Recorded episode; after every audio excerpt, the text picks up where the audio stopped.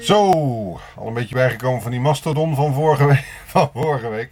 Nou, hij is bij mij niet meer uit die speler te branden hoor, die plaat Crack the Sky van Mastodon. Maar daar ga ik het vandaag niet over hebben. Welkom bij een nieuwe NRC Rocks met vandaag een Amerikaans bandje uit New York. Een drietal wat live met z'n vieren speelt. Ik met z'n vier op de plaat, maar wie in godsnaam die nummer vier is, uh, is ook ingewikkeld. Ze hebben de, de, de hoe noem je dat? De, de, de, de, tracking order door elkaar gehaald. Nou ja, ze hebben het maar wat nummers gegeven. Ik heb het over The Virgins uit New York. Drie gasten, Donald Cumming, Wade Oates en Nick Zarin Ackerman. Dat zijn de drie jongens die de basis vormen van, uh, van dit uh, New, Yorkse, New Yorkse bandje. Die komen bij elkaar in 2005 en gaan gewoon een bandje beginnen zoals jongens dat doen als ze op school zitten. En uh, dat gaat best leuk en dat gaat best aardig. En ze spelen hier eens en ze spelen daar eens. totdat ze op een gegeven moment opgepakt worden door de, de, de mannen en vrouwen van Sonic Youth. Die dit bandje heel leuk vinden en vragen... Wil je misschien voor ons twee keer eh, openen in New York als wij daar spelen? Sonic Youth heeft natuurlijk een enorme fanbase. De jongens van de Virgins doen dat. Nou, ik zal niet zeggen dat het kostje daarna gekocht is, maar, want er moet nog hard gewerkt worden. Maar er is in ieder geval aandacht. Zo neemt ook Patti Smith ze mee als voorprogramma. En Jet van Are You Gonna Be My Girl? Die nemen ze mee als voorprogramma. En heel langzaam begint de naam van de Virgins zich rond te, uh, te praten in New York. En wordt de scene wakker. En denken, wie zijn die gasten?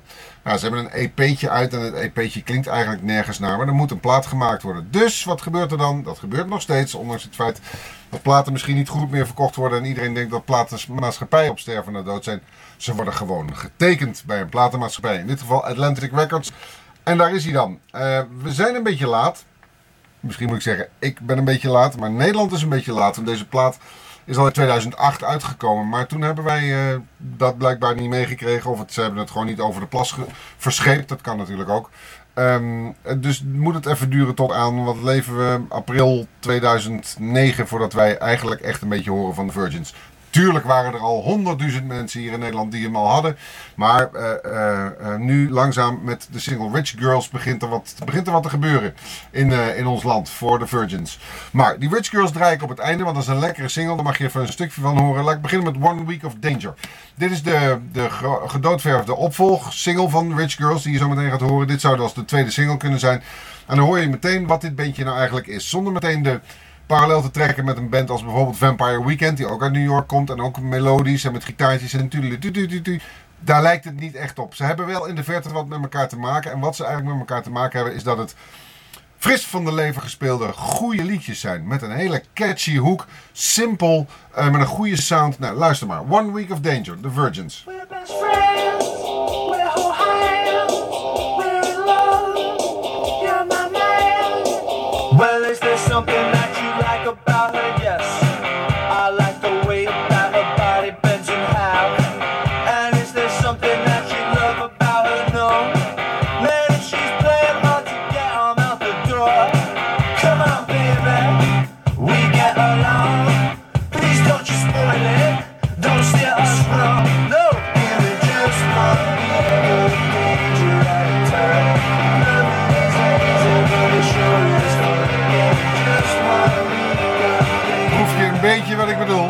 Simpel en het is doeltreffend.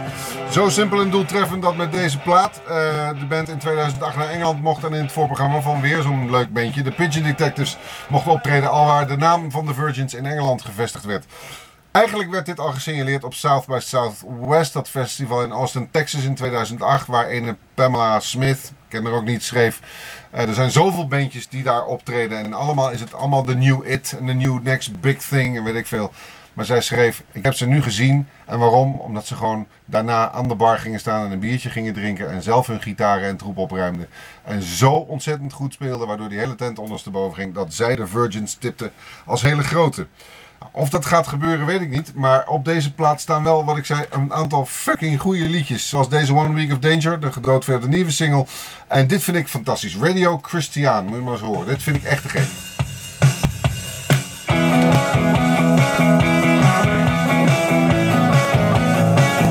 Heeft ook iets van de strokes. Het, ja, het gaat melodisch. Simpel melodische liedjes. I'm it was it was a radio, it was a.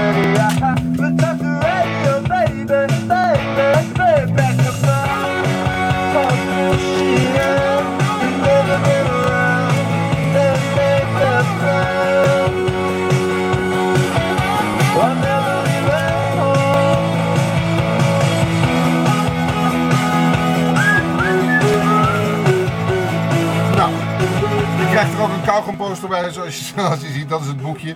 Ehm, ja, lekker, lekker. En ik weet uit betrouwbare bron dat eh, Anthony Ellis van de Five O'Clock Heroes een groot fan van deze band is. En zo zijn er meer in New York. Eh, maar inmiddels hebben ze de landsgrenzen dus ruimschoots overschreden. Rich Girls, zei het was de eerste single, of is de eerste single in Nederland van dit album. Waar we dus een beetje laat mee zijn, vandaar dat het ook vrij late single is geworden. Eh, er is ook een hele goede remix van, maar ik hou altijd erg ervan om in deze rubriek originele te laten horen.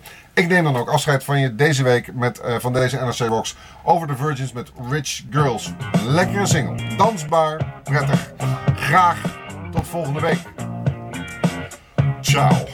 We walk around pretending we're all grown up. Hey, rich girls, what can you tell me? Why